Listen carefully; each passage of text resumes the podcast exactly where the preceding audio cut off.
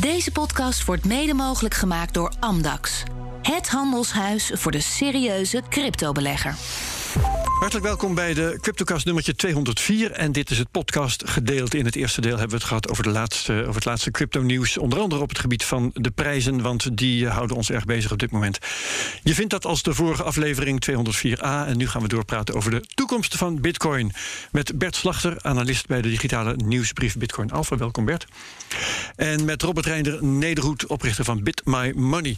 Voordat we beginnen, uh, eventjes dit. De cryptomarkt professionaliseert. Veel particuliere zakelijke en institutionele beleggers nemen nu cryptovaluta op in hun portfolio.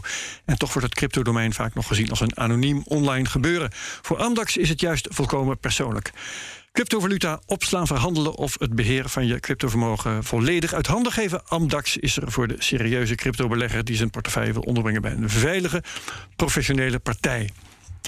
Nou, heren, we gaan uh, kijken naar uh, wat uh, Bitcoin voor rol speelt op dit moment en wat die dat, hoe die dat in de toekomst gaat doen. Met wat voor invloeden we rekening moeten houden. Wat de factoren zijn die de ontwikkeling van bijvoorbeeld de prijs ont, bepalen.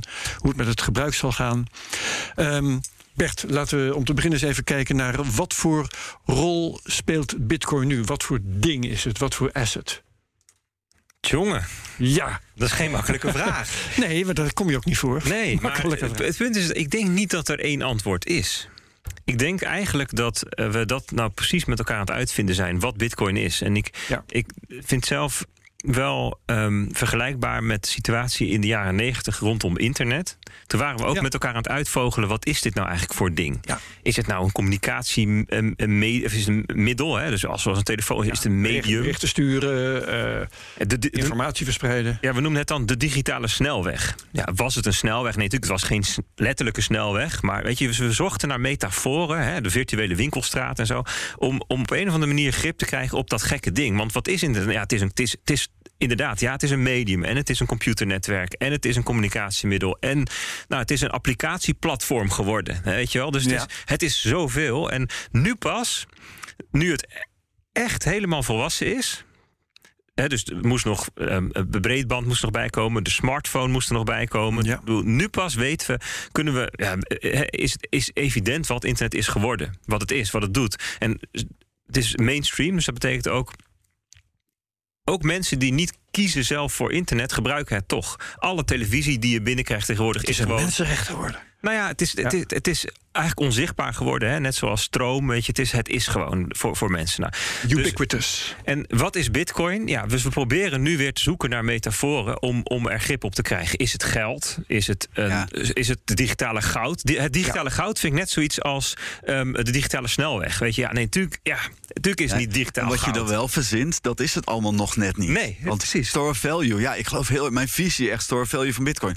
Maar het is het nu nog niet. Althans, het is te volatiel. Dus je kan het heel ja, makkelijk onderuit het, halen. Het is, het, is, het is als het helemaal geadopteerd is... heeft het de potentie om een goede store value ja. te zijn. Omdat het geen deflatie is. Digitaal cash. Ja, die transacties zijn duur. Die blockchain is traag. Maar als het op Lightning werkt... en iedereen heeft Lightning, dan is het er wel. Ja. ja. Dus als, je, als ik de titel van de whitepaper lees... Hè, dus e-cash of digitale cash... dan denk ik dat, is, dat de intentie daarvan is... dat het gaat om geld zonder tegenpartijrisico. Zoals contant geld. Hè. Als ik jou een tientje geef, dan heb jij het en ik niet meer. En dat ja. is met, met, met fysiek geld heel makkelijk. Helpt de natuurkunde bij. In de, in, met, met digitaal geld is dat een probleem. En want normaal gesproken, als, ik, als, we, als we digitale bezittingen hebben de afgelopen 50 jaar, dan losten we dat op door, door iemand een database te laten bijhouden waarin staat oh ja. wat van wie was. Ja. Een register, een administratie. Rechtenbeheer. Nou ja, iets op een of andere manier. Want als ik iets digitaals aan jou geef, dan heb ik het namelijk ook nog. En dat vinden we fantastisch dus. van digitaal. Hè. We foto's, digitale foto's hebben allemaal dezelfde foto, dezelfde kwaliteit hetzelfde Word-document. Alleen voor digitale bezittingen, zoals digitaal geld, is dat een probleem. Nou, dat is in essentie de uitvinding van Bitcoin. Dat zonder dat een centrale partij, zoals een bank, een notaris, een techbedrijf, zonder dat die een administratie moet beheren, kan ik een digitale bezitting aan iemand geven en dan is het daarna van een ander. Dat is denk ik wat digital cash betekent hè, in, in, in, de, in de sfeer van de ja. uitvinding van Bitcoin. Ja. Maar maakt het dat daarmee geschikt voor toonbankbetalingen? Nee, niet out of the box. Dan moeten ja. we eerst een layer 2 voor. Een... En zeker niet zolang we in Nederland prima werkende methode hebben om te betalen. Exact. En er komt pas. Dus de vraag is ook. Hè, makkelijk zijn die iedereen heeft. En zo. Wanneer gaan mensen Bitcoin in gebruik nemen? Nou Met technologie werkt het zo: je neemt het in gebruik. De massa neemt het in gebruik zodra het beter is dan het alternatief. Tot die tijd zijn het alleen maar de pioniers, de innovators, de early adopters. Wanneer is het beter dan het alternatief? Nou, in Nederland nu nog niet. Maar in sommige landen al wel. Want daar zijn mensen die het, zonder dat het ze wordt opgelegd, vrijwillig gaan gebruiken. Omdat het iets oplost wat, iets, wat, hè, wat niet opgelost wordt door hun alternatieven. Ja, en dan hebben we het over El Salvador. Uh, ja, maar Nigeria, Venezuela, India, Vietnam, noem ze allemaal op. en um, um, en dat geldt ook voor uh, allerlei uitgesloten groepen en mensen die gecensureerd. Er zijn allerlei um, kleine randgroepjes waar het nu al beter voor is. En in Nederland, ben ik het helemaal met je eens, moeten we nog een paar innovatieslagen verder voordat mensen hier zeggen: jongen, dat Bitcoin is eigenlijk heel veel handiger dan. En we komen al langzaam op het punt. Want kijk, en dan kijk ik even naar de stablecoins. Vorig jaar 30 miljard naar 150 miljard gegroeid dollar aan stablecoins. Waarom? Nou, omdat er tegenwoordig ook gewoon bedrijven zijn die zeggen: joh, ik betaal jou met uh, eh, USDC. Want dat is 24-7 binnen een seconde aan de andere kant van de wereld. Ja, zonder kosten. Ja. Terwijl als ik dollars moet overmaken via het traditionele bankensysteem, ben ik minstens vier dagen bezig. Kost me een. dat om, het, om het van Amerika naar Australië of naar Japan te krijgen. En dus we komen al langzaam op het punt dat voor allerlei ook veel meer mainstream use cases crypto assets veel beter zijn dan, ja. hetgeen, dan het alternatief. Ja, je, zegt al, sorry. Ja, er is heel veel potentie ook bij, ook voor Nederland, van als je naar internationale handel gaat kijken. Maar dat is wel dus dat zou nu al voor de stablecoins gelden. Maar als jij een webshop hebt met een digitaal product, kun je eigenlijk over de hele wereld je product verkopen. Doe je dat nu via een creditcard, dan betaal je 3, 4 procent. Plus de wisselkosten uh, van, van de dollar naar euro. Daar verdienen die PayPal's en zo verdienen ook heel goed aan. Dus daar zit zeker een verdienmodel. En dan heb je ook nog dat je alle administratie gescheiden hebt. Dus je hebt het logistieke proces voor je product, maar je hebt ook nog het logistieke proces van het geld, de boekhouding. Daar zitten allemaal winsten die nu nog niet tot uiting komen. Maar als ja, als er meer mensen zijn die mee willen betalen, dan, dan gaan Nederlanders als eerste aan de rij staan om dat te introduceren. Dus even, even terug naar de vraag van Herbert: wat is Bitcoin? Ja. dus we hebben het gehad over geld, over um, digitale goud, we hebben het gehad over een betaalnetwerk, hè, betaalsysteem. Mm je, kunt, je kunt het nog hebben over belegging of speculatie. Hè, dus mhm. dat je zegt van nou, ik zie het eigenlijk als een soort van Um, bescherming of verzekering tegen het falen van het fiat-geldsysteem, bijvoorbeeld. Ja, of tegen inflatie. Ja, tegen. Kunnen we ook nog over hebben. Maar Kun je het ook nog over hebben. Maar, maar, dus nou ja, het, is iets voor privacy. Hè. Nou, ik denk voor, eh, als we het gaan hebben over die macro-dingen straks, dan is dit hè, dus een hedge tegen. Dat is een belangrijk komend argument. Nou, je kunt het nog hebben over een, een, een digitale of een, een publiek goed. Het is namelijk voor de wereld nuttig om een onafhankelijk neutraal netwerk te hebben die van geen enkel land is. En dat heeft waarde voor de wereld, zoals, zoals het internet dat ook heeft. Hadden we het eigenlijk hadden we het daarover op een bepaalde manier uh, in uh, het vorige deel van dezezelfde Cryptocast op de radio, toen het ging over chips for mining. Ja. Uh, het is, maar, het is fijn als je een concurrent hebt voor uh, een dominante factor die er is. Ja, dus dan kunnen we even terug weer naar de vraag van hoe losten we um, digitaal overdracht van digitaal bezit altijd op? Nou, door een centrale partij aan te wijzen die dat managt. En dat gaat best wel prima als dat lokaal en kortdurend is. Hè. Dus concertkaartjes zijn ook al lang digitale bezittingen, gewoon een QR-code. En dat vinden we prima dat, dat de concert uh, of de evenementorganisator dat beheert. Want weet je, na het concert interesseert niemand meer hè, dat het concertkaartje bestaat. En dat is allemaal lokaal, weet je wel. Maar als het gaat om een digitale bezitting die 30, 50, 100 jaar moet bestaan. en die je graag vanuit um, uh, Verenigde Staten naar China wil sturen, dus twee landen die elkaar niet vertrouwen, ja, dan werkt zo'n centrale database niet meer goed. Want wie, wie mag dat beheren, weet je wel? Dus, dus het, is, het is ook een waardevol fenomeen dat je iets hebt waar het collectief consensus vindt over wat van wie is. Dus dat zou een volgende ding kunnen zijn. Nou, dus Bitcoin misschien is ook nog een ideologie, zou je ook nog kunnen zeggen. Dus, dus de, het antwoord op de vraag wat is Bitcoin is um, dit allemaal. Het is, het, je kunt van allerlei kanten naar kijken. En dan, als je, als je dat allemaal gedaan hebt, zorgvuldig, dan krijg je een redelijk volledig beeld. We hebben, uh, uh, ik denk vooral in 2020 en uh, 2021, um, heel erg zitten leunen op die vierjaarscycli. Ja. En ik denk dat het onder andere kwam door eh, de publicatie van Plan B. Ja. Uh, die uh, heel erg die, uh, op basis van die vierjaarscycli, vooral de halvings dan, kwam tot vrij extreme prijsvoorspellingen, die trouwens niet zijn uitgekomen, althans nog niet. Um, 2021 heeft een wat ander beeld laten zien dan 2013 en 2017. Hè. Niet, is niet zo'n extreme piek. Um, staat dat verhaal van die vierjaarscycli op, op uitsterven nu? Ja, ik denk het wel. Ja? Kijk, ehm, ehm, het, het punt van die vier jaar hè, is dat, dat ehm, de bitcoins, de 21 miljoen bitcoins die er zijn, die zijn er al eigenlijk sinds de grondlegging van bitcoin. Hè, dus zeg maar 3 januari 2009 het eerste blok. Toen waren er al 21 miljoen, alleen ze waren, nog, waren er nog uh, allemaal nog niet in omloop gebracht. Ja. Hè, zo kan je het zien. En het algoritme is als volgt. Elke vier jaar, of elke 210.000 bloks, dat is ongeveer vier jaar, wordt de helft in omloop gebracht van wat er nog niet in omloop is. Dus de eerste vier jaar was dat 10,5 miljoen van de 21. Nou, daarna de helft daarvan, hè, dus dat is uh, 5,25 miljoen. Steeds twee keer zo dicht bij het plafond. En zo, en, en, en, en zo halveert dus elke vier jaar um, de hoeveelheid bitcoins die in die periode in omloop komt. En dat kan je dus terugrekenen naar per dag of per blok. En per blok was het dan 50, 25, 12,5, nu 6,25. Dus, dus dat vergelijkt met wat er al is, dan neemt dat heel snel af. Ja, dat halveert elke keer en, en, en, en nog heel eventjes. En het speelt dus zeg maar nog een jaar of twaalf. En het is een verwaarloosbare rol. Ja. Het punt is alleen dat in die eerste vier jaar gingen we van 50 naar 25. En dat was echt een groot verschil. Dus je zag echt een schok in de vraag-aanbod dynamiek. Dus er was een bepaalde uh, koers he, in de periode daarvoor. En die koers kwam tot stand door de vraag en aanbod wat er was. En dat aanbod, dat, daar viel ineens de helft van weg. Ja, dat was significant. En dat deed wat. Nou, hetzelfde gebeurde ook nog van 5, 25 naar 12,5. En daar is toen een soort patroon ontstaan van... na die halving krijg je eerst een boelmarkt... waarin die prijs heel erg stijgt... omdat de aanbodzijde schoksgewijs is weggevallen. Ja.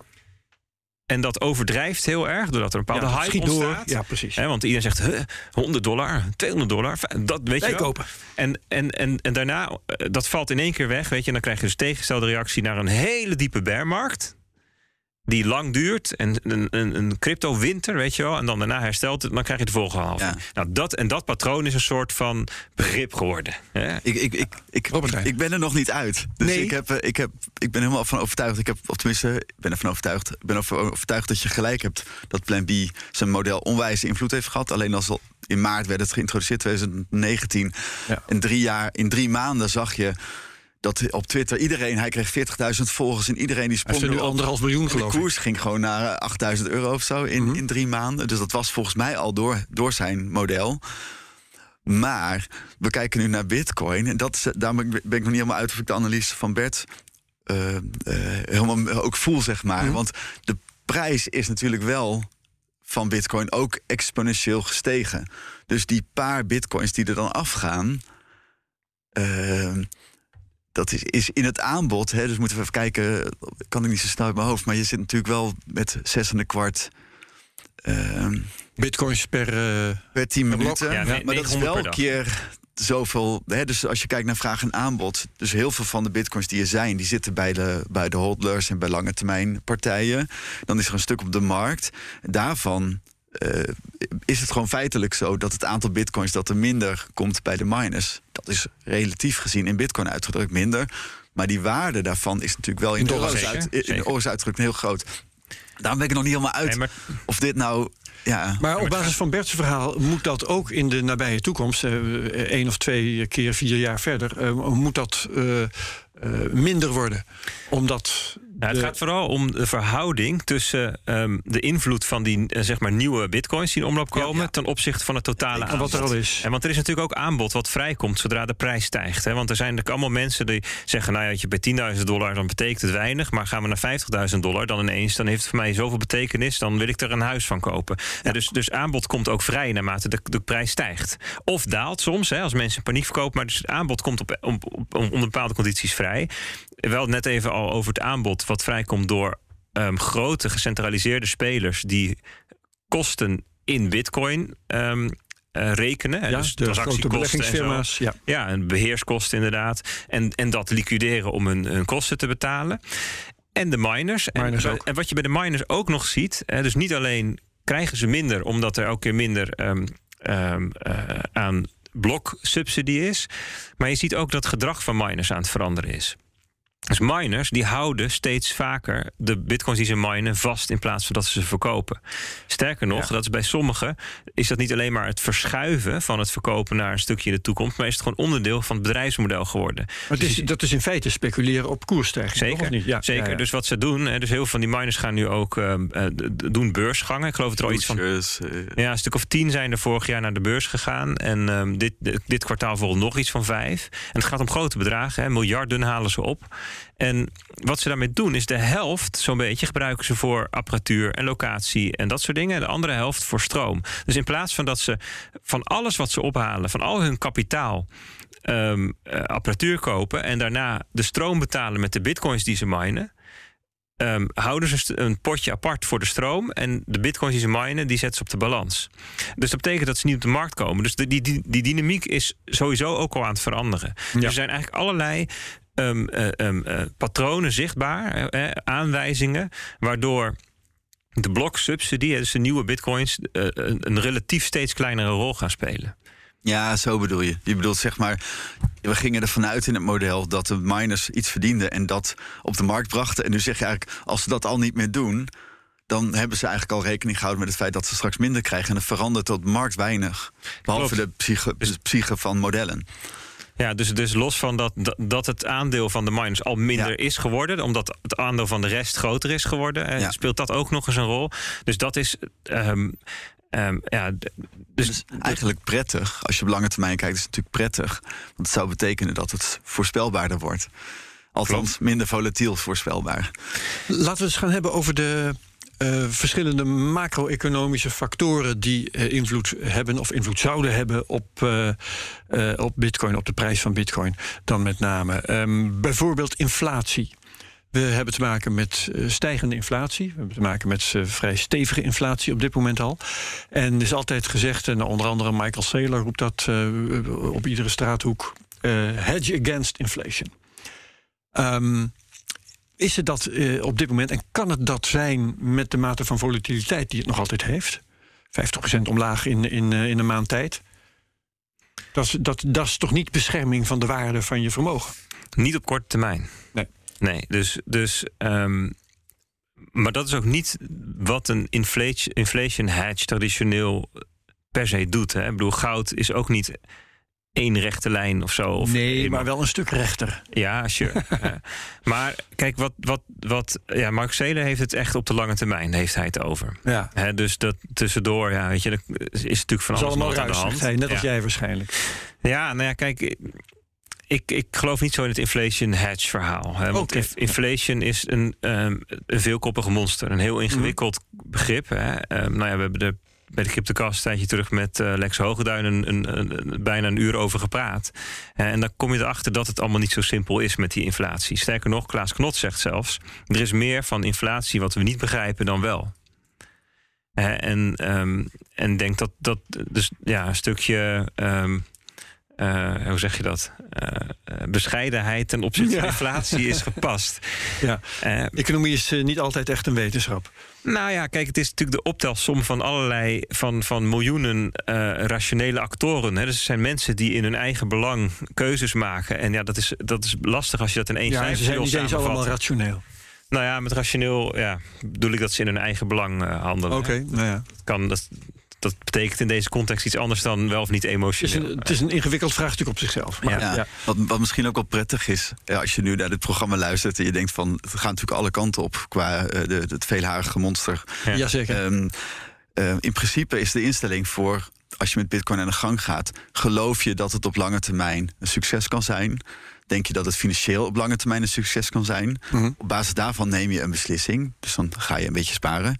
En alles waar we het nu over hebben, dat is allemaal eigenlijk actualiteit, korte termijn. Dat zijn risico's op het falen, maar dat zit als het goed is in je kans inbegrepen die je meeneemt dat het misschien niet lukt. Dus je kan zeg maar, ik- eh, niet om het onderwerp helemaal weg te snijden, maar meer van eh, laat je niet te veel ook eh, onder het tapijt vegen door, eh, door nadenken over inflatie. Want in principe hoef je dat niet te doen. Je kan ook gewoon denken van oké, gaat omhoog, gaat omlaag. Inflatie is een realiteit. Ik bedoel, we zien natuurlijk, Ja. er komt veel meer geld bij. Maar voor jouw beslissing over of je met bitcoin bezig gaat, zou dat eigenlijk geen rol moeten spelen. Nee, wat, wat ik wel zou willen weten, want ehm, we hebben het nu over uh, beschermd het hebben van bitcoin een mens tegen inflatie. Maar ehm, als dat zo zou zijn, dan misschien ook wel als het niet zo zou zijn, ehm, zou uh, een toenemende inflatie invloed moeten hebben op de prijs van bitcoin. Heeft het dat op dit moment volgens jullie? Nou ja, eh, het hangt dus weer even vanaf hoe je inflatie definieert. Maar als je de kaart pakt van de, um, de balance sheet van de Fed, dus de, de hoeveelheid um, dollars die de, Bezittingen, ja. ja. die, de, die de Amerikaanse centrale bank heeft, dat is nu ongeveer 9000 miljard dollar. En dat is gegroeid van 4000 naar 9000 miljard in de, in de coronacrisis. Maar dan zie je dat de periodes van het stijgen van de balance sheet precies overeenkomt met de stijgende periodes van Bitcoin er is wel een, een, een, in ieder geval een correlatie hè, te zien. Ja, want ik, ik denk dan meteen, uh, zou dat direct oorzakelijk verband zijn? Want uh, ik denk niet dat iedereen die bitcoins koopt... Uh, zit te kijken naar die balance sheet van de Fed. En, oh, het gaat omhoog, nee, ik ga bitcoins Maar dat zijn dus periodes van ruim monetair beleid. Het zijn dezelfde ja. periodes dat de aandelenmarkten ook natuurlijk omhoog gaan... de huizenprijzen snel stijgen. Dus, dus je zou kunnen ja. zeggen, bitcoin is, stijgt het snelst... in een inflationaire omgeving. Hè. Dus waar, ja. waar dat, dat soort okay. ook stijgen. Dat, dan maar, zeg je dus eigenlijk, de inflatie en de prijsstijging van bitcoin hebben dezelfde oorzaak. Mogelijk, ja. ja. Maar misschien is het goed om even te kijken naar de macro-omstandigheden van de komende maanden. Om, ja. om dit verhaal uh, over inflatie of inflation hedge in die context te plaatsen. Maar nog één keer inhaken op wat je net zei. Ik denk ook dat doordat het monetaire beleid zo ruim is en alles omhoog gaat, er ook voor consumenten minder noodzaak is om voor bitcoin of voor een cryptovaluta te kiezen. Dus je hebt, hè, je kan in Tesla, je kan in uh, uh, garages, parkeerplaatsen, vastgoed. Je kan bijna overal kan je ingaan als, als er dit beleid en is. En alles, alles is beter. lucht in. alles is beter dan je en dan, en dan is risico, of, uh, kent Bitcoin een relatief hoog risico. En een hoog reward, hè? En een hoog dus, reward. Maar als, als straks die, die rentes wat omhoog gaan... Dan, en alles trekt weer een beetje in... en er komt dan toch van, iets van inflatie... dan denk ik dat bitcoin weer een ander soort keuze wordt... dan ten opzichte van zeg maar, de aandelen. Oké. Okay, dus het vervuilt okay, een beetje ja, ja. nu ja? Uh, de keuze. Ja, ja dus... dus Kijk, wat je nu ziet even is dat de markten die zijn nu angstig. Hè? Ik bedoel, dat, dat heeft te maken met, um, met de situatie Rusland-Oekraïne. Weet je, zijn allerlei ook dat soort dingen die even een rol spelen. Maar ja. vooral het grote verhaal is de Federal Reserve gaat een krapper beleid voeren. He, dus, dus de Amerikaanse centrale bank, weet je, de Amerikaanse financiële markten zijn gewoon wereldwijd leidend. En de Amerikaanse uh, centrale bank zegt: we gaan de rente verhogen. En wat gebeurt er in Europa? De Europese rentes gaan omhoog. Terwijl de ECB zegt: nee hoor, wij gaan de rente niet verhogen. Dus zelfs hier reageren de, de financiële markten meer op het Amerikaanse beleid dan ja. op ons eigen. Weet je, dus zo enorm groot is die impact. Nou, dat is heel snel gegaan. Want in september zeiden ze nog, nou, um, misschien gaan we rustig aan de, de, de, monetaire verruiming wat afbouwen. Weet je wel? Mm. En dat is in een paar stappen is dat gedraaid. Nadat ze nu het niet alleen afbouwen, hè, dus de opkoopprogramma's, maar zelfs um, uh, um, weer uh, quantitative tightening heet dat. Hè. Dus, dus, dus uh, obligaties ja, precies niet verlengen, hè, dus op ja. de markt brengen. En, in, en waarschijnlijk, dus de marktprijs nu in, vier renteverhogingen dit jaar. En dat is heel snel gegaan. En um, dat is. Um, dat betekent dat heel veel investeerders verwachten. Um, dat die, die gaan op zoek naar veiligheid. en. Je kan op verschillende manieren over redeneren. Bijvoorbeeld, ja, als een obligatie weer meer rendement heeft, waarom zou je dan iets risicovols als een aandeel willen? Hè? Dat is één manier om er naar te kijken. En een andere is. Um, als liquiditeit uit de markt gaat, ja, dan, dan, dan ga je um, naar veilige uh, plekken toe. Weet je, en nog een andere is dat waarderingen van bijvoorbeeld techstocks en zo, die van alle risicovollere zaken, die, die, die dalen als de rente stijgt. Het heeft te maken met hoe je waardering op lange termijn berekent. Er zijn allerlei manieren waarop men tot de conclusie komt: we moeten um, vanuit risico naar veilig gaan. Nou, dat zie, zie je de afgelopen. Um, uh, uh, Nou, zo anderhalve maand zeg maar gebeuren. en de afgelopen week is dat versneld. De periode dat uh, bitcoin uh, naar beneden Ja, dus sinds, sinds 1 januari is de, de Nasdaq 18% gedaald. Dat is heel veel voor zo'n beurs. En bitcoin 30%. Dus dat ligt nog behoorlijk dicht bij ja, elkaar. Zelfs over een grote benen. ja. Uh, dus dat is, en gisteren hadden we de hoogste volume ooit gemeten op de Nasdaq. Weet je, dat zijn, het is echt, um, de markten zijn nu wel, staan onder stress, onder spanning. Ja. En het punt is, wat moet de vet. Hè? Want de vet die, die, die zit ook klem. Daar hebben we het wel eens vaker over gehad. Centrale banken zitten klem. Want ze kunnen die rente namelijk helemaal niet zo heel ver verhogen.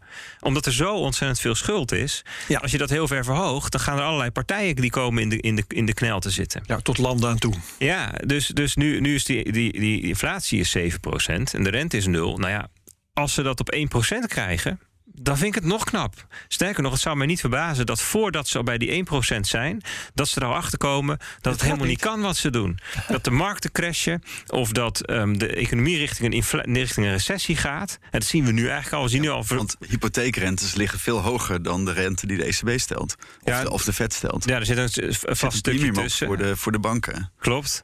Eh, dus dus eh, ja. Ehm, we, zien, we, zien eigenlijk nu al dat daar dat dat. We zagen bijvoorbeeld gisteren de, de, de in Amerika tegenvallend binnenkomen. Hè, noemen we dan de, de Economic Surprise Index. Dat, dat is een soort van samenvatting van welk gedeelte van al het economisch nieuws valt nou tegen. Is slechter dan men verwachtte. Die is nu negatief. Dus de meerderheid van de economische cijfers die binnenkomen, die zijn eigenlijk lager dan verwacht. Dus dan kan je straks de situatie krijgen dat de Fed het ehm, ehm, monetair beleid aan het verkrappen is, terwijl de economie aan het afkoelen is. Nou, ja, weet je, dat is natuurlijk een, een recept voor ellende. Dus dat is de situatie van de komende maanden waar we in zitten. Nou, dat zal best betekenen voor Bitcoin dat er nog wat zwakte voor ons ligt. En voor tech-aandelen ook. Maar er komt een punt dat iedereen zich realiseert. Die hoge inflatie die gaat niet zomaar weg. En die lage rente gaat niet zomaar omhoog. En nu? Ja, ja. En dat, dat kan wel eens het moment zijn dat er allerlei mensen opnieuw denken van ja, dan moet ik toch eens gaan kijken wat mijn opties zijn. En dan, dan staat Bitcoin ook weer op dat lijstje. En we zie, ik zie nu de eerste analisten al komen die zeggen: Nou, ik heb jarenlang gezegd, joh, dat Bitcoin is helemaal niks. Maar ehm, ik, ik stel mijn mening bij. Ja. Want als ik nu kijk naar wat er gaat gebeuren, macro-economisch, kan ik maar tot één conclusie komen. Ik moet iets alternatiefs vinden. En, dat, en ik ga daar ook voor een stukje voor Bitcoin kiezen. Ja, en, en dan is hè, dus eh, Bitcoin concurreert eigenlijk met centrale banken en niet met de banken. En je kan zeggen, er is een hoog risico bij Bitcoin, maar tegelijkertijd al die knoppen waar nu aan gedraaid wordt, dat introduceert onvoorspelbaarheid bij het monetair systeem wat we kennen. En die knoppen zijn er bij Bitcoin niet. En die, die er zijn, zoals de halvering waar we het het over hebben, die zijn voorspelbaar. Dus dan in zekere zin hè, is er ook een soort voorspelbaarheid bij Bitcoin. Ja, ja, en, en eh, die balans, ik, ik zie jou een weegbeweging maken Ja. met je twee handen. Die balans in risico tussen fiat geld en, eh, en bitcoin, die eh, wordt evenwichtiger. Ja, zeker. Op die manier. Ja. Ehm, laten we eens gaan kijken naar eh, bepaalde concrete invloeden die er ook nog zijn. Dus, eh, er zitten een paar hele aardige dingen bij. Ehm, ik pik er eens even wat uit. We hebben de stablecoins, die zijn vandaag al genoemd hier in deze studio. Ehm, er is een aantal stablecoins. Ze groeien elk op zich. De, de, het aantal stablecoins neemt ook toe. Er is ook een roep om regulering Ja. van stablecoins. eh, ook weer voor, voornamelijk in de Verenigde Staten, hè, maar niet alleen daar. Wat gaat daar gebeuren?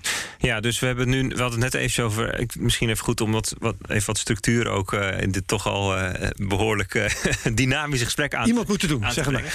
Ehm, hè, dus dus ehm, ehm, je, we hebben het gehad over de vierjaarscyclus. Hè, dus dat is eigenlijk een soort van langetermijn perspectief. Hè, dus Ja. van, van, van de afgelopen 13 jaar en de komende 10 jaren, hoe zit dat nou? Nou, daarvan zeggen we van, nou ja, het is niet meer zo dat je gewoon de klok gelijk kunt zetten op die cyclus. Dus je moet blijkbaar naar alle, allerlei andere krachten op de markt gaan kijken. Nou, we hebben het net even gehad over macro-economisch. Ja. En dan zijn er nog daarnaast ja, misschien wel 10, 15 krachten te noemen... die ook ja, op een of andere manier invloed hebben op bitcoin... en dan via de adoptie. Dus Ja. het zijn krachten die op een of andere manier adoptie versnellen of versterken of, of verzwakken. Ehm, dus, dus laten we zeggen, stel dat Bitcoin veel handiger wordt door een technologische ontwikkeling. Nou, dan zijn er ineens allerlei mensen die zeggen: wat leuk, ik ga het gebruiken. Ja. En stel dat het ergens verboden wordt, nou, dan zijn er dus minder mensen die het gebruiken. Dus op die manier, dus eigenlijk, je redeneert eigenlijk altijd welke krachten zijn er nou die op een of andere manier die adoptie kunnen bespoedigen of af kunnen remmen. Nou, en dan hebben we zeggen, stablecoins is daar dus eentje van. Ja. Want naarmate meer mensen de, tot erachter komen dat die dingen echt ontzettend handig zijn. Nou ja, gaan ze dus het crypto-ecosysteem gebruiken en eh, bekend worden met allerlei fenomenen, zoals dat je dus sleutels moet hebben die je dan uh, in een wallet hebt. En nou ja, dat is toch mhm. een stapje richting hè, nou ja, Bitcoin en, en het bredere crypto-ecosysteem. Um, nou ja, dat, dat, dat is het afgelopen jaar is dat echt ontploft de hoeveelheid eh, stablecoins, maar ook het gebruik ervan. Ja, want um, die stablecoins die worden door bedrijven uitgegeven en die worden uh, omdat ze een stabiele waarde moeten hebben, worden er gewoon extra gemaakt als er meer vraag is. Uh, dat soort dingen. Uh, ja, in principe, ja, in principe um, is het wel zo dat wat er in uh, dat er alleen maar extra crypto-dollars worden uitgegeven als er ook crypto-dollars de kluis ingaan. Of als er echte dollars de kluis ingaan. Ja, en, de, Natuurlijk. en dat je vroeg ja. eerder van is het een risico als daar strenge regulering op komt? Of daar, dat, dat was het onderwerp waar we het ook nog eens over zouden hebben. En ik denk eigenlijk dat dat wel een kleine rem is op stablecoins zelf. Maar ik vindt het. Een de dreigende regulering bedoel je? Dreigende regulering voor stablecoins. En de regulering zou kunnen zijn dat, uh, dat er strenge regels zijn, uh, zijn voor uh, de dekking. He, als een ja, bedrijf dus stablecoins wil uitgeven, nou ja. bewijs maar dat je die dollar ook inderdaad in die kluis hebt liggen. Dus je hebt zeg maar de. de Oké, okay. Je hebt de, de, centrale banken zouden een euro uit kunnen geven. Dat hebben ze digitaal, zeg maar, op een blockchain. Dat hebben ze nog niet gedaan. Dus in dat gat zijn bedrijven gesprongen die dollars en, en uh, nou, van allerlei landen munt hebben uitgegeven. Maar dat zijn dus private bedrijven. En ja. USDT, dus de Tether, uh, dat is de grootste op dit moment, voor zover ik weet. Ja. Alleen dat is al een jaar of vier, vijf, is daar wat rumoer over van hoe is die dekking geregeld. En ja. in het begin hebben ze gezegd, het is 100% dollar, uh, door dollars gedekt. Dus dat was wat Bert net zei, van ze gaan de, de kluis in de dollars ergens bij een bank. Um, en later hebben ze dat veranderd in een voorwaarde. Nou, het is in ieder geval gedekt met of dollars of, of leningen ja. of iets dergelijks. Ja, ja. En nu kunnen het wel andere assets zijn. Um, dat is de ene kant van het plaatje. En de andere kant is dat heel veel bedrijven die dus exchanges, platformen die bijvoorbeeld wisseldiensten willen aanbieden tegen de dollar, die zouden voor een echte dollar als te goed, zouden ze zeg maar een heel in 50 staten zouden zich moeten registreren, zouden hele, hele waslijst van ja. procedures door moeten. En de USDT, zeg maar de Tether, nou, die is elke keer ongeveer een dollar. Dat scheelt dus een keer een half procent. Um, die kunnen ze gewoon voeren, want het is geen elektronisch geld. Het is niet rechtstreeks gekoppeld aan de dollar. Dus we kunnen heel veel. En dus dat is positieve werking. Dus heel veel mensen hebben toegang tot een elektronische dollar, kunnen gaan traden. Uh, vervolgens is er Tether die al die, die miljarden dollars heeft uitgegeven. Dus, dus daar zit degelijk een enorme positieve werking op in ieder geval de koersontwikkeling en het gebruik.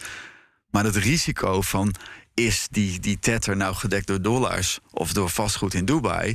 Als we dat niet weten, dan ja. voel ik me er niet zo heel comfortabel bij. Want dan zou dat kunnen betekenen dat als daarin uitkomt dat de helft er niet meer is. Ja omdat maar het Bert, als, er, als er dan uh, regulering tot stand komt, hè, die, die bijvoorbeeld voor de. Nou ja, dat is de vraag. Hè. Um, ja. als, als daardoor Tether omvalt, bijvoorbeeld, dan is het misschien niet zo positief. Als uh, het een betrouwbaar deel van de markt daardoor wordt, is het weer wel positief. Ja, dus laten we even kijken naar hoe die markt eruit ziet. Het was, Tether was in het begin gewoon 99% was Tether. Hè. Dat was gewoon stablecoin ja. is Tether. Hè. Zo, zo is het begonnen. En het is ook begonnen met inderdaad handel op crypto um, exchanges te.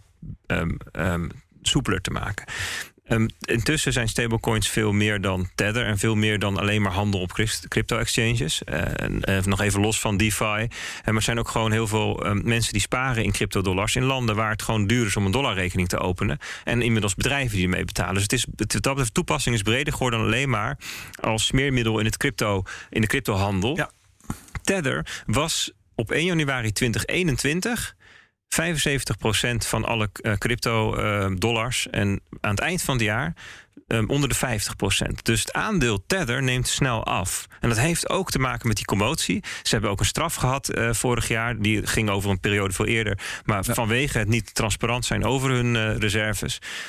Um, de, een, een financiële straf, het was een, uh, ja, ja, ja, een boetetje voor hun natuurlijk. Maar, Zoveel miljoen. Maar um, de nummers 2 en 3, dat zijn Circle en Paxos. Hè, Circles van USDC en Paxos van, geloof PUSD. Maar ook van de Binance dollar. Ja. Die zijn um, uh, veel strenger gereguleerd. Die hebben zich namelijk onderworpen aan de New York State uh, regulering, toezicht. Uh, en die, hebben, die brengen ook echte audit-rapporten oh, die hebben zich al vrijwillig laten ja, reguleren. Ja, okay, Paxos als de eerste in 2015 al, nog voordat iedereen doorhad wat je überhaupt met, met, met stablecoins moest, hadden zij al gekozen voor een streng reguleringstraject. Ehm, en zij, daar, daar staat gewoon in dat, dat, dat 99,9% is eh, cash en cash equivalents. Eh, dus dat, zijn, dat is of geld, eh, dollars of ehm, kortlopende Amerikaanse staatsobligaties. Dat is, dat, is- dat is Snel dat, te daar is het in orde, weet je wel. Ja. En het punt is alleen, het is zo groot geworden nu dat de Amerikaanse centrale bank zegt van als ik dit lijntje doortrek en Circle, het bedrijf achter USDC, die zegt jij mag dat lijntje doortrekken, want wij verwachten daadwerkelijk ook op basis van wat wij de vragen van, van, van onze partners en klanten verwachten wij te groeien alleen al van 40 eh, miljard naar 200 miljard in anderhalf jaar tijd. Alleen Circle. Ja, ja, ja, dus dus, dus, dus, dus de, de Fed heeft daar een goed punt. Van oké, we kunnen hier verwachten dat het nog groter wordt. En dan wordt dit een probleem voor Een monetair beleid. Ja, ja, Nou, niet alleen een systeemrisico, maar de effectiviteit van mo- monetair beleid wordt lager. Want je kunt wel de rente en zo aanpassen op je dollars. Maar als een steeds groter gedeelte van, van wat er met dollars gebeurt buiten jouw vizier gebeurt, eh, buiten jouw machtsinvloed, ja, dan heb je een probleem. Dus zij ze- zitten nu de vraag van hoe gaan we het reguleren? Gaat de SEC dat doen? Daar is wat voor te zeggen, want het lijkt heel erg op een money market fund. Dat is ook eh, door de SEC gereguleerd. Of gaat de CFTC dat doen? Die deed het namelijk eerst. Daar kwam die boete vandaan. Oké. Of gaat de Fed het doen? En dan zeg je eigenlijk, het is een, het is een dollar. Of gaat misschien, misschien zelfs de Treasury het doen? Dus ze zijn ook nog aan het uitvinden wie moet het dan gaan reguleren. Maar één ding is zeker: die cryptodollars gaan echt onwijs eh, ehm, onder scherp toezicht worden gebracht. Ja. Niet omdat ze het willen stoppen, maar juist omdat ze zien. Tjonge, dit kan wel eens het monopolie en de belangrijkheid van de dollar Ja. ehm, in de toekomst garanderen. Want die Is- is natuurlijk aan het afnemen. En en wat je eigenlijk zegt is Ja, ja. dat Ja, ja. Tether, is, eh, Tether is riskant. Maar doordat er alternatieven zijn die zichzelf zeg maar, goed in het... Nou, niet in het eh, daglicht spelen, maar die het gewoon netjes doen. En Aantoonbaar, ook groeien ten opzichte van de tether zelf. Dan kiest de markt nu langzaam voor de gereguleerde variant. Ja, dus waar je ziet dat Tether nog een grote rol speelt, is ook juist op die exchanges. Maar ja, er zijn ook handelaars die in en uit gaan. Dus die vinden het ook wat minder belangrijk hoe langer termijn dat de- deugt, zeg maar. En misschien dat Tether ook uit zichzelf ook verbetert. Want we zien ook in de, in de nou ja, ik noem het even met air quotes, auditrapporten van de Tether, dat zij ook hun reserves van hogere kwaliteit aan het maken zijn, elke keer. Dus wie weet waar dat uitkomt. Ja. Maar dus, ik denk dat we hier veel meer toezicht gaan krijgen. En het zou wel eens kunnen, eh, ertoe kunnen leiden dat Amerika juist die stablecoins omarmt. Eh, omdat Nou, dat, daar wilde ik naartoe. Want eh, ieder land moet naar een central bank digital currency. Maar alleen Ja. voor de Verenigde Staten, geloof ik, wordt gezegd van nou, er is al zoveel eh, digital currency dat ze het misschien niet eens meer door de central bank hoeven laten uitgeven. Nou, dat is een interessante vraag. Er is wel vorige week een consultatie gestart vanuit de Fed... waarmee ze gaan kijken van moeten we iets met CBDC's of niet. Maar ze lopen daar ja, nog achter notabene op Europa. Dus Ja. dat gaan ze niet binnen vijf jaar online krijgen. Dat is überhaupt een groot probleem, denk ik... met ehm, wat wij dan nu noemen de eerste wereldlanden. Die zijn inmiddels ehm, in een soort van politieke impasse terechtgekomen... dat ze eigenlijk niks meer voor elkaar krijgen. Weet je, in, in China bouwen ze in tien dagen een ziekenhuis. Wij zijn hier Ja, eerst ja, tien jaar bezwaarprocedures aan doorlopen. En dat, maar dat is wel een beetje het probleem waar we ook met Europa en ook Verenigde Staten in terecht zijn gekomen. Ehm, de overheden kunnen gewoon niet meer schakelen met het tempo wat de markt eigenlijk nodig heeft. Nee, nee. Dus dat zou een argument kunnen zijn dat dit inderdaad. eh, Bottom line voor Bitcoin van dit verhaal? nou ja, dat, dat betekent dus dat crypto assets, waaronder Bitcoin, ehm, ehm, meer onderdeel worden van ons dagelijks leven. En want als het hebt over voor de goede orde, hè, die, die eh, stablecoins zijn ook crypto's. Ja, het zijn crypto assets die, die, ja, die leven nu. Hè, um, ik bedoel, vaak op Ethereum of op Tron of op een of ander netwerk, soms gewoon zelfs gecentraliseerd. Maar ook voor Bitcoin is men bezig om op het Lightning-netwerk um, stablecoins te kunnen gaan uitwisselen. Dus als laag daar weer bovenop. Het is ook kwestie van tijd en technologische ontwikkeling dat dat ook. Ja. Kijk, en dan kom je straks op het punt. Hè, als jij um, 3 dollar naar Japan wil sturen, dan doe je dat misschien gewoon via iets wat je niet boeit. Maar als jij 5 miljoen dollar 10 jaar wil bewaren, dan wil je ze misschien wel op het Bitcoin-netwerk hebben. Weet Ja, je, zo- ja. zo'n soort afweging. En die, die groeit trouwens, want je zei het over de rente bijvoorbeeld. Het is niet zo raar dat het zo gegroeid is. Want als je eh, in plaats van dollars naar stablecoins gaat en je zet dat op zo'n platform neer, dan kun je gewoon 3 tot 8 procent rente vangen. Er gebeurt wel iets met je dollars. Maar, eh, en dat is wel een dansje wat samenspeelt met bitcoin. Want aan de andere kant zijn er dus bitcoin-bezitters, hodlers... die zetten de bitcoins neer en die gaan die USDT-dollars van jou lenen. En die betalen dan die 3 tot 8 procent ervoor. Ja. Klinkt als, uh, klinkt als uh, uh, moet ik aan zeggen, tovenarij. Nou ja, Want waar komt die rente vandaan? Die betalen dus de mensen die dollars lenen tegen hun bitcoin. Dus stel jij hebt 100 bitcoin, ooit heel lang geleden ingestapt... en je wil ze niet verkopen, want dan raak je je potentiële toekomstige upside kwijt. A en B, zeker als je in Amerika woont... Um, als je ze gaat verkopen, moet je afrekenen over de waardetoename. Ja, dus je houdt ze liever vast. Ja, dus dan kan je beter tegen die 100 bitcoin, dat is namelijk 5 miljoen dollar waard, kan je gewoon een ton lenen in, in, in, in dollars. En daar kun je dan je huis van verbouwen. Zonder dat je je bitcoin hoeft te verkopen. Die ton is hartstikke veilig ten opzichte van 5 miljoen. Die koers die moet een factor 50 dalen, wil je mhm. in, de, in de knoei komen. Dus het is een heel reëel plaatje voor mensen die een boel bitcoins hebben. En dan betaal je elke maand betaal je, je rente, betaal je, je lening af. En dan aan het einde heb je je bitcoins nog één. Dan moet je hopen dat inderdaad de bitcoin in die tijd meer stijgt dan uh, je rente betaalt. Nou ja, dat is de andere kant. Want andere mensen gaan natuurlijk niet een huis verbouwen, maar die gaan met dat geleende geld gaan ze weer speculeren op beurzen. En nou, dan, dan, dan, kom je in gevaarlijk terrein. Dat, okay. dat wilden we juist niet. Nee, dat wilden we niet. Oké, we moeten nog een paar andere ontwikkelingen bespreken. Eens even kijken. Um, het klimaat letterlijk en figuurlijk rondom mining. Um, op allerlei uh, plekken wordt geroepen uh, om uh, nou ja, mining te verbieden of om het te reguleren in allerlei opzichten.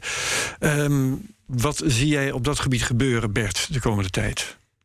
Ja, dit is wel gewoon een, een pittig punt. Ja. Um, want, want, want we hebben hier vaak uitgelegd in de CryptoCast dat mining een proces is nou dat dat je leuk vindt of, of niet leuk, maar het is een soort natuurverschijnsel. Hè? En uh, de klimaatgevolgen nou, kun je het beste bestrijden door gewoon zoveel mogelijk uh, duurzame energie in te zetten. Uh, maar de roep, de maatschappelijke krachten, die gaan in de richting van, nou ja, het is een. Verbieden. Ja, precies, dat willen we niet hebben. Ja, en het is, een, mee te maken. het is een vreselijk complexe discussie. Want als je zegt van ja, weet je, bitcoin verbruikt energie en dan gaan we het meer duurzaam maken of hernieuwbaar, zeggen mensen ja, dan pakt bitcoin hernieuwbare energie af die je ook had kunnen gebruiken voor iets wat wel nuttig is. Mhm. En dat, dat is eigenlijk wat je elke keer in die discussie ziet. Dat er, even kijken, even, even los van, laten we even één groep apart zetten. Er is een groep van mensen die bitcoin gebruikt als stok om hun klimaatactivisme mee vorm te geven, om mee te slaan. dus dat, ja, en dan kiezen ze niet bitcoin, dat kiezen ze bitcoin vooruit en niet bijvoorbeeld de, eh, wat, vliegen. de, de wasdrogers of de vliegvakanties. Ja, nou, vliegen doen ze ook, hè? dus de vliegschaamte. Dus er zijn allerlei bedoel, activisten die zoeken naar allerlei plekken waar. Gewoon werkverkeer met de auto. Ja, dus er zijn allerlei manieren waarop, waarop mensen proberen te prikkelen. Nou, dit is er eentje. Nou, eh, dus laten we die even apart zetten. Eh, dat is, maar los daarvan krijg je natuurlijk een discussie van.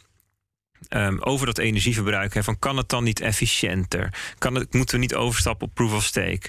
Um, hernieuwbare energie, ja, maar dat is dan, gaat dan ten koste van iets anders wat mm. kan gebruiken. Dus dit, het kunt, komt elke keer erop neer op de vraag: is het, het gebruiken van die energie nuttig of niet? En dat, dat, dat, eh, je moet daar eerst voor snappen wat, wat het dan doet, dat energieverbruik want het is, een, het is terechte vraag: van kunnen we niet een alternatief op proof of work, dat is de technische naam voor mining, bedenken die geen energie verbruikt? Want als dat zo is, ja, dan denk ik dat als iedereen, stel dat je twee alternatieven hebt die even, die even goed zijn en de een verbruikt energie, de ander niet, dan kies je voor die tweede. Het punt is, als je daar echt induikt, dan kan dat dus niet. Voor zover wij weten. Je bedoelt, het is niet beter. Je kunt geen alternatief bedenken dat beter Dat hetzelfde kan. Dat hetzelfde kan. Ja. Proof of stake Even veilig. Bijvoorbeeld, ja. Die proof of work niet heeft. Noem eens wat. in ieder geval, dat bij proof of stake weet je, zit intrinsiek in dat degenen die al veel hebben, die, zetten dat, die steken dat en die krijgen meer. Dus dan zit intrinsiek al in dat de rijken rijker worden. Ja, dat heb je bij Bitcoin toch ook? Nee, maar... Nou, dat denk ik niet. niet. Je krijgt niet meer bitcoins. Je krijgt alleen misschien meer euro's als als Bitcoin meer waard wordt. Maar als je meer wil minen, moet je investeren. Je krijgt het niet gratis omdat je toevallig wat muntjes hebt. Oké. je, zou kunnen zeggen dat bij uh, proof of work is het bezit van Bitcoin gescheiden van de politieke macht. En dat is bij proof of stake niet. Dus op het moment dat jij veel van het item bezit, dan heb je ook veel politieke macht, omdat je namelijk een rol speelt in de besluitvormingsprocessen. Net als bij het fiat geldsysteem. dus dat is, dat, is, dat is heel veel. Kijk, eigenlijk is dat ook proof of stake. Hè? Als jij heel veel fiat geld hebt, ja, dan heb je daarmee ook veel meer inspraak. Zo, zo werkt het in de praktijk nou eenmaal.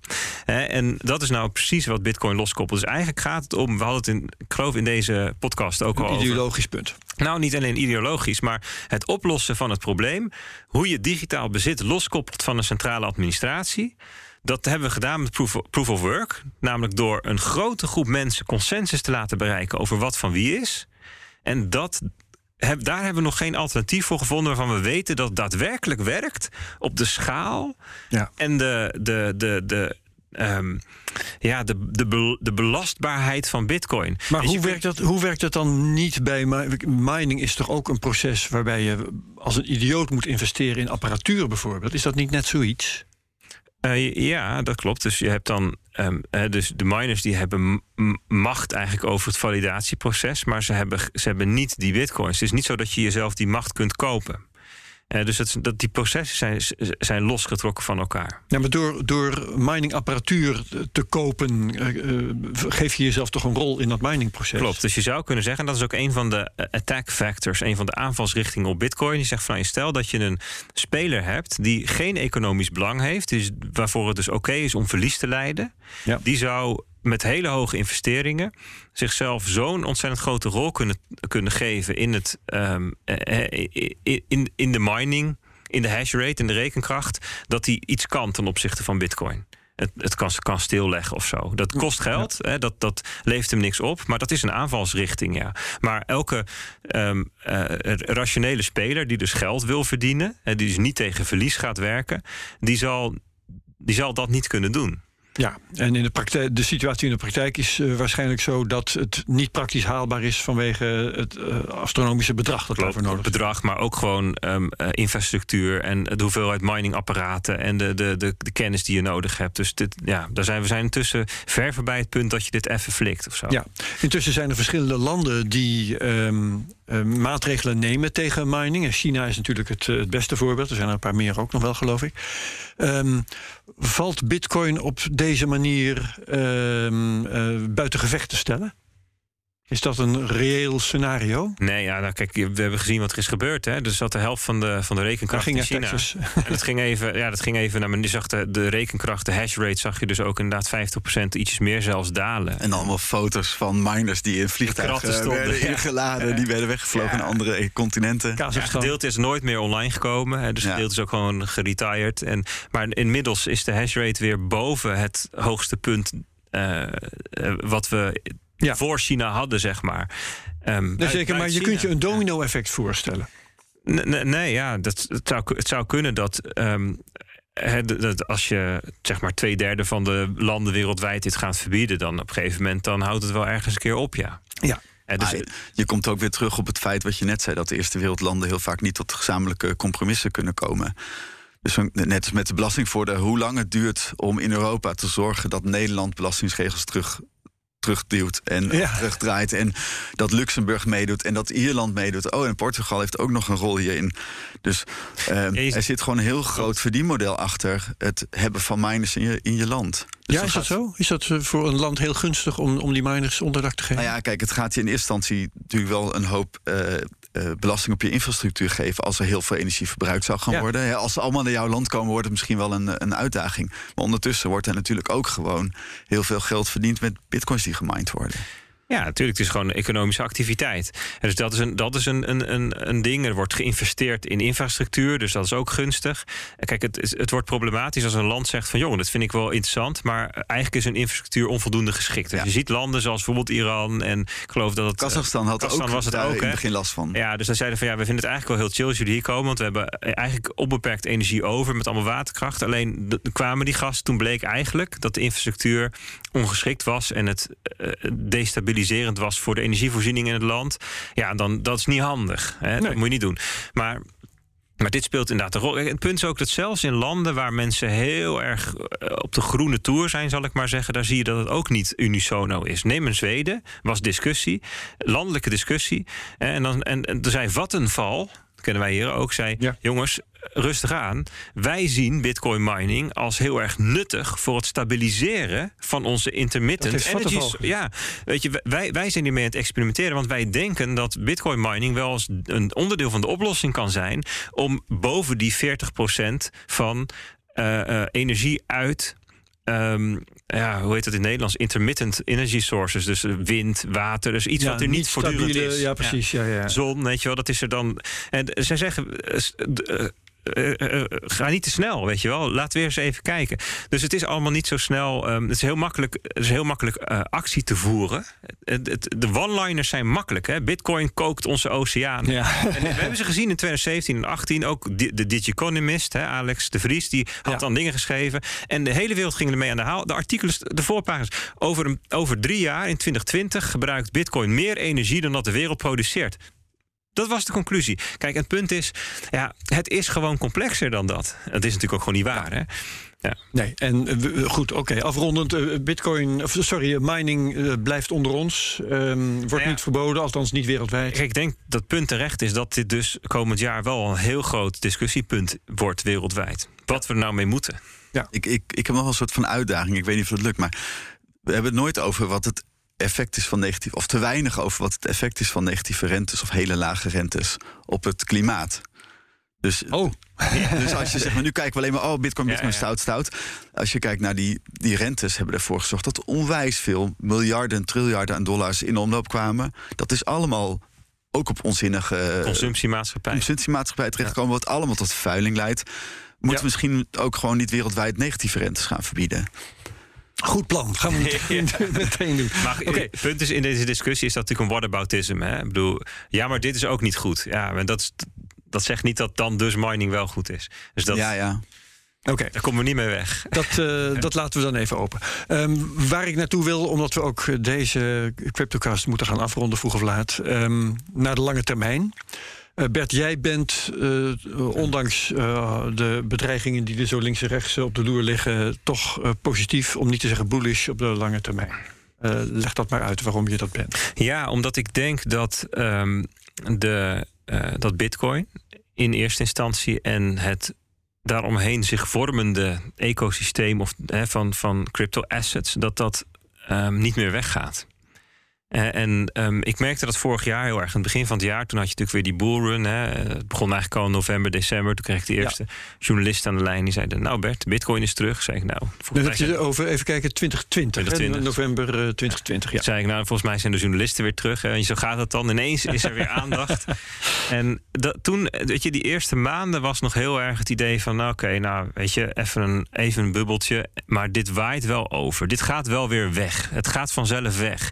En het soort van keerpunt daarin, wat echt fantastisch... dat was het moment dat Pieter Haaskamp die brief schreef... laten we bitcoin verbieden. Oh, dat toen- was van het CPB. ja, de Ja. directeur CB. En die, die ehm, eh, op persoonlijke titel natuurlijk. Ja. Hè? Want als er een soort van als er Mm. ellende komt, dan is het ineens op persoonlijke titel. Maar het, het, iedereen viel over elkaar heen om te zeggen: nee, Pieter, dat gaan we niet doen. Zelfs minister Hoekstra Ja, zei: ja, ja, ja. nee, maar dat, dat, dat is niet de richting die we komen. Hele politieke ja. toon. En dat was een soort keerpunt. En eigenlijk in de tweede helft van het jaar, ja, overal waar ik kwam, sprak ik ehm, eh, mensen die zeiden van ja, i- it's here to stay.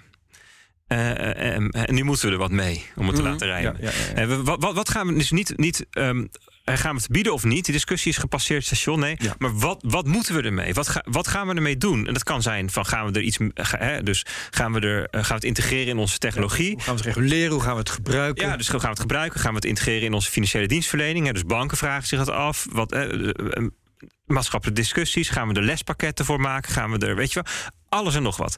Dus ehm, ik denk dat het niet meer weggaat, omdat het namelijk ehm, intussen heeft laten zien, voldoende heeft laten zien dat het potentie heeft om de wereld op allerlei manieren een beetje beter te maken. Hè, dat, dat digitale bezittingen, dat onze toekomst in toenemende mate digitaal is, digitale bezittingen een steeds grotere rol spelen, digitaal geld, NFT's, is natuurlijk een experimentje, maar dat gaat over dat straks diploma's, identiteitsgegevens, eh, alle, allerlei soorten financiële effecten wordt allemaal digitaal. Ja. En da- daar willen we wat mee. Weet je? Dus, dus, dus dat is, de toekomst Dat, is digitaal. dat is een natuurlijke ontwikkeling, maar eh, bitcoin als eh, eh, privaat geld, als, als eh, natuurverschijnsel noem ik het zelf wel eens, ehm, zet de bijl natuurlijk aan de wortel van allerlei gevestigde belangen. Ja, Bijvoorbeeld de centrale bank, om maar eens een dwars te houden. Zeker. DNB is een van de... Dus dit, dit, gaat ook, dit gaat ook niet met één rechte lijn, weet je wel, naar, naar de horizon. Hier zullen ongetwijfeld nog grote ehm, debatten en gevechten gevoerd worden. En dat zou, dat zou best eens lelijk kunnen worden. Nou, het, het- ik vind dat je dat heel positief brengt, eerlijk gezegd. Als ik ben jij minder positief? Nou, eh, niet per se over bitcoin dan, maar als je kijkt naar wat je eerder zei van die rentes kunnen eigenlijk niet omhoog. Dus mijn betoog is meestal van, joh, kijk om je heen. eh, wat we de afgelopen uh, 60 jaar als normaal beschouwden, hè, zoals sparen en hypotheekrente en alles heeft een prijs. Die tijd is niet meer. Er zijn de, dus de, en die knoppen waar, die, waar de, aan gedraaid wordt bij centrale banken. Het is een beetje macro-economisch, maar in principe als je kijkt, is een hele rare tijd. Maar ze zijn ook nog stuurloos geworden. Dus eigenlijk ons geld is stuk. Hè? Dat is de prachtige titel. Uh, het is stuurloos. Nou, als je die conclusie durft te trekken, dan is het volgende van: oké, wat, is, wat is de enige uh, opvolger die er aankomt die niet te stoppen is? Hè? Want als te stoppen is, dus heel veel dollar, er zijn al heel veel e-cash pogingen gedaan. Als het verbieden is, dan is het een redmiddel, knal het eruit. Bitcoin is niet te stoppen. Dus dat is wat mij betreft zeg maar, de meest grote kans maken om, uh, om een betrouwbaar alternatief te gaan vormen. En de weg ernaartoe, die wordt hobbelig. Die wordt hobbelig, want ze zullen ongetwijfeld landen, elk land probeert dat. Ja. Hè? Laat het toch maar verbieden. Turkije verbieden, dan laten hm, het werkt toch niet, laat het toch maar gaan reguleren. Eh, eh weet je, en dat zie je. Dat Rusland nu, hè, onlangs. Rusland, uh, is dezelfde. Wat, willen ze nu ook weer? zelfs het, het, het bezit nog net niet, maar elke vorm van ja. aan elkaar verkopen, dat willen ze kijk, toch wel verbieden. Waar ze, waar veel landen mee te maken hebben, is kapitaalvlucht. Hè. Dus dan hebben ze capital controls om dat te voorkomen. En dan zien ze dus toch ook bijvoorbeeld bitcoin mining of bitcoin handel als manier om kapitaal het land uit te krijgen. Dus er zijn allerlei landen die om allerlei redenen hun best gaan doen om um, er tegen te vechten. En er zullen ook landen zijn, steeds meer, die zeggen: hmm, ik omarm het juist. En dat is natuurlijk een heel interessante nieuwe dynamiek die we gaan zien. Zeker als je een van de eerste bent. Precies. Als je dus gelooft dat het meer waard gaat worden. Precies. En ik zie bijvoorbeeld een rijke bevolking. Ik zie bijvoorbeeld Amerika er wel op, uh, uh, voor aan om zo opportunistisch te zijn om te zeggen: hmm, misschien moeten wij dit ook toch maar, hè, weet je wel, omarmen. Want, want, dan heb je een voorsprong op Rusland en China. Bijvoorbeeld. Hè, dus, en je ziet in Amerika natuurlijk ook de concurrentie tussen staten. Nou, Wyoming en een Texas en een Florida, de minister of de, de, de burgemeester van, van Florida en van New York, die zijn nu heel, heel erg wel verwelkomen. de geesten tussen republikeinen en democraten? Hoe bedoel je? Republikeinen zijn over het algemeen meer pro-Bitcoin dan Democraten, heb ik gemerkt. Ja, er zit natuurlijk ook wel iets libertarisch of liberaals in, in Bitcoin, hè, de zelfsoevereiniteit. Maar ook aan de um, uh, democratische of, of, socialistische kant zie ik initiatieven en, en, en uh, acceptatie. Zeg maar meer een soort van tegenmacht tegen het grootkapitaal. Dus er zijn ja, politiek ja, wel echt verschillende invalshoeken hoor. ik ben ook heel benieuwd wat er in Afrika gaat gebeuren. Want die Jack Dorsey is nu weg bij Twitter. Nou, die zit de helft van het jaar zit hij in Nigeria en, en oh, andere landen. Zo? Ja, en die, heeft, die gaat met zijn uh, Cash App helemaal inzetten op uitrol in Afrika. Dus Klopt. Ik zou echt wel. Uh... Ja, dus, dus de, de, zeg maar de hobbels die zijn vooral lokaal. Maar dat heeft natuurlijk wel een bepaald waterbed. Je duwt hier en dan daar denkt iemand: oh, dat is interessant. Weet maar je heb je dan ook een beeld wat dan uh, op de lange termijn, laten we zeggen op de termijn van een jaar of tien of zo, de rol van Bitcoin zou moeten worden?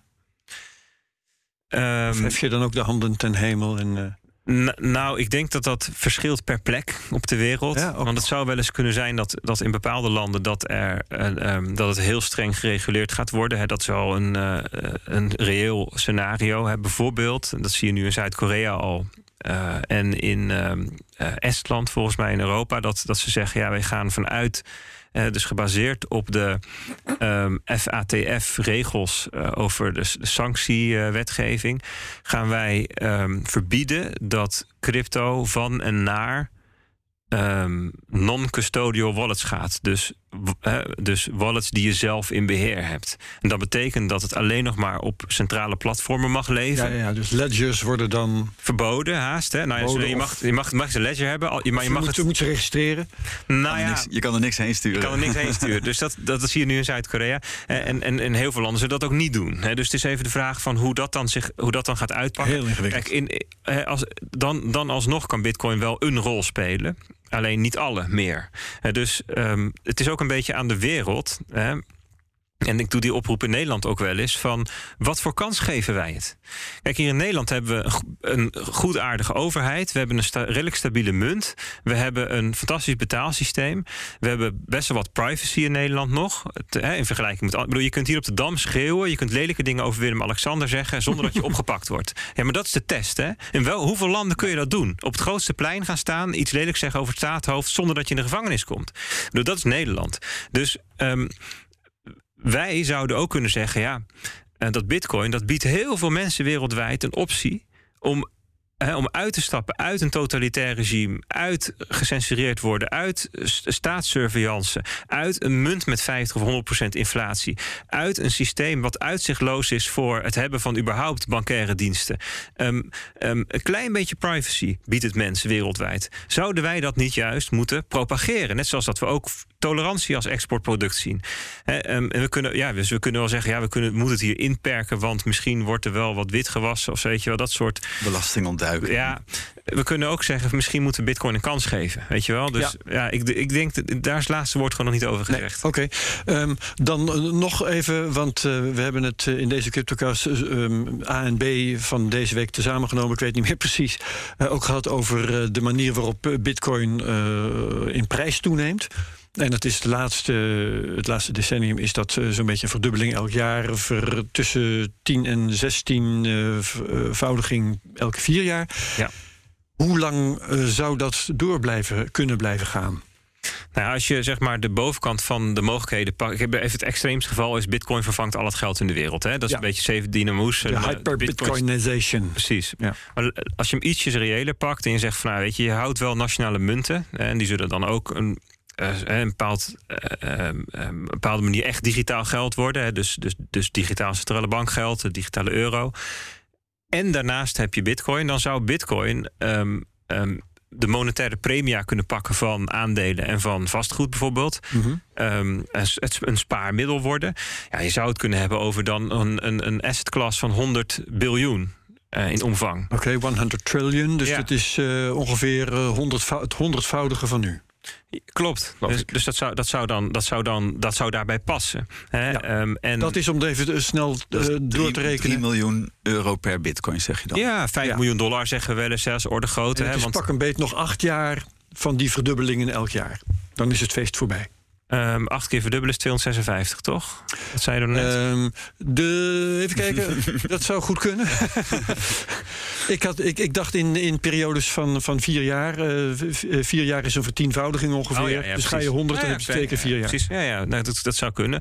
Kijk, de verwachting is natuurlijk wel eh, ook in jouw ding dat het misschien iets langzamer gaat steeds, hè, die verdubbeling. Ah, Dus tuurlijk, met tuurlijk het, woorden- het, het gaat niet recht omhoog en dan bonk tegen het plafond Nee, maar en stoppen. Meer dat dat- kijk, we, hebben, we houden nog steeds wel cycles. Hè, wat net over de vierjaarscyclus. Die, die gaat misschien eh, vervagen, maar we houden natuurlijk gewoon cycli. Van Maar wat voor cyclus komt daar bearmarkt. dan voor in de plaats? Nou ja, oh, gewoon. Boel- en ja, bearmarkt. Hè, dus de, maar dan niet met de vaste- overdrijving en bearmarkt Ja. is een onderdrijving, zou je kunnen Maar zeggen. niet met de vaste periode bedoel je? Nee, dus, die, dus een ehm, eh, hypothese die ik wel heel plausibel vind, is ehm, lengthening cycles, langer Mhm. wordende cycles, diminishing returns, minder wordende Ja. ehm, pieken, zal ik maar Ja, ik heb het wel eens genoemd de zachte landing tegen het plafond.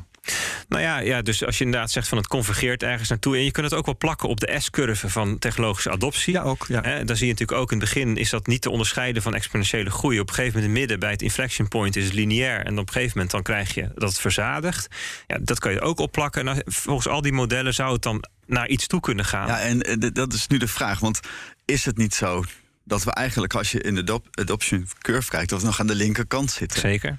Dus dat zou eigenlijk betekenen dat, als we, dat we nog niet Dat op we de helft nog te gaan hebben. dat we nog niet op het inflection point zijn. Dus dat er eigenlijk nog een versnelling zou kunnen komen. En daarna pas die Nou, vertraging. een versnelling in, eh, in, in eh, eh, zeg maar absolute euro's. Maar ik denk wel dat we al gaan zien dat het, Ja. dat het dat het vertraagt, langer gaat duren. Dat Ja, vertraagt ja, in verdubbelingen. ja. Dat zou- Eh, dus dat Ja. de, de, exponent- de exponent van de exponentiële groei die neemt langzaam af tot die allebei. 1 is. En dan is het lineair en dan gaat het naar. Ja. Ja. Dus dat is, ehm, ehm, dat, is, dat, is, dat is mijn hypothese. Dat we ehm, naar ergens tussen de 1 en 10 miljoen dollar per bitcoin gaan in de komende 10 tot 20 jaar. Of het alternatief, dat bitcoin verdwijnt en naar nul gaat. Maar ik zie weinig ruimte voor een bitcoin van 30.000 dollar in de komende 10 Ja, ja, ja, ja. Daar hebben we geen employ voor. ja, dus dat, Ja. dat, dat is persoonlijk ook even los van dat ik het technologisch natuurlijk allemaal interessant vind. En, hè, dat ik als, als puur als investerings- of als beleggingscategorietje hè, in, in mijn heel gediversifieerde portfolio en helemaal risico, weet je.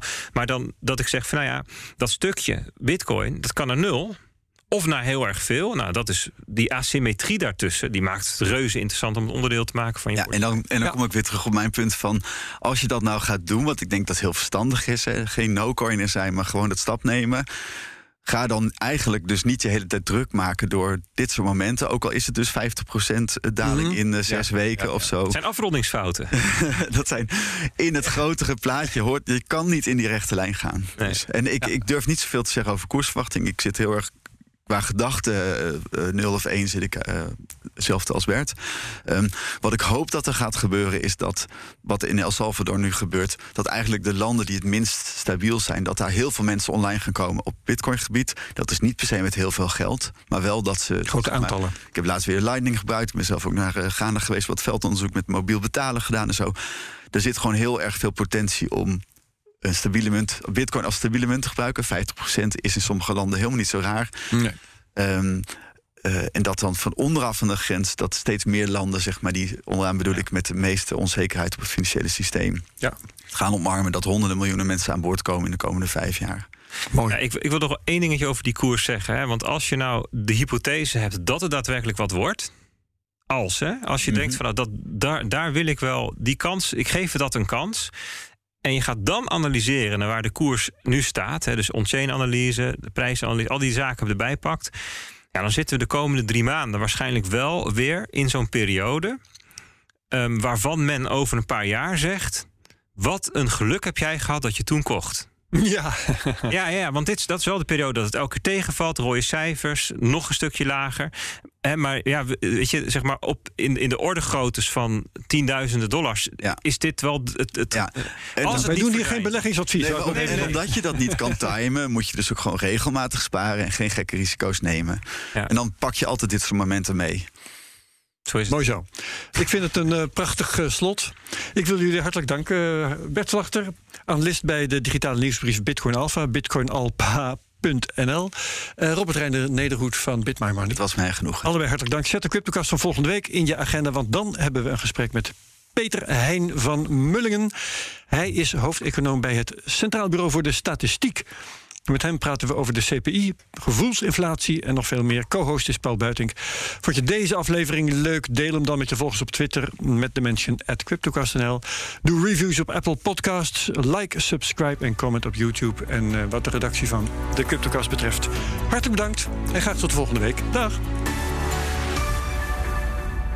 Deze podcast wordt mede mogelijk gemaakt door Amdax.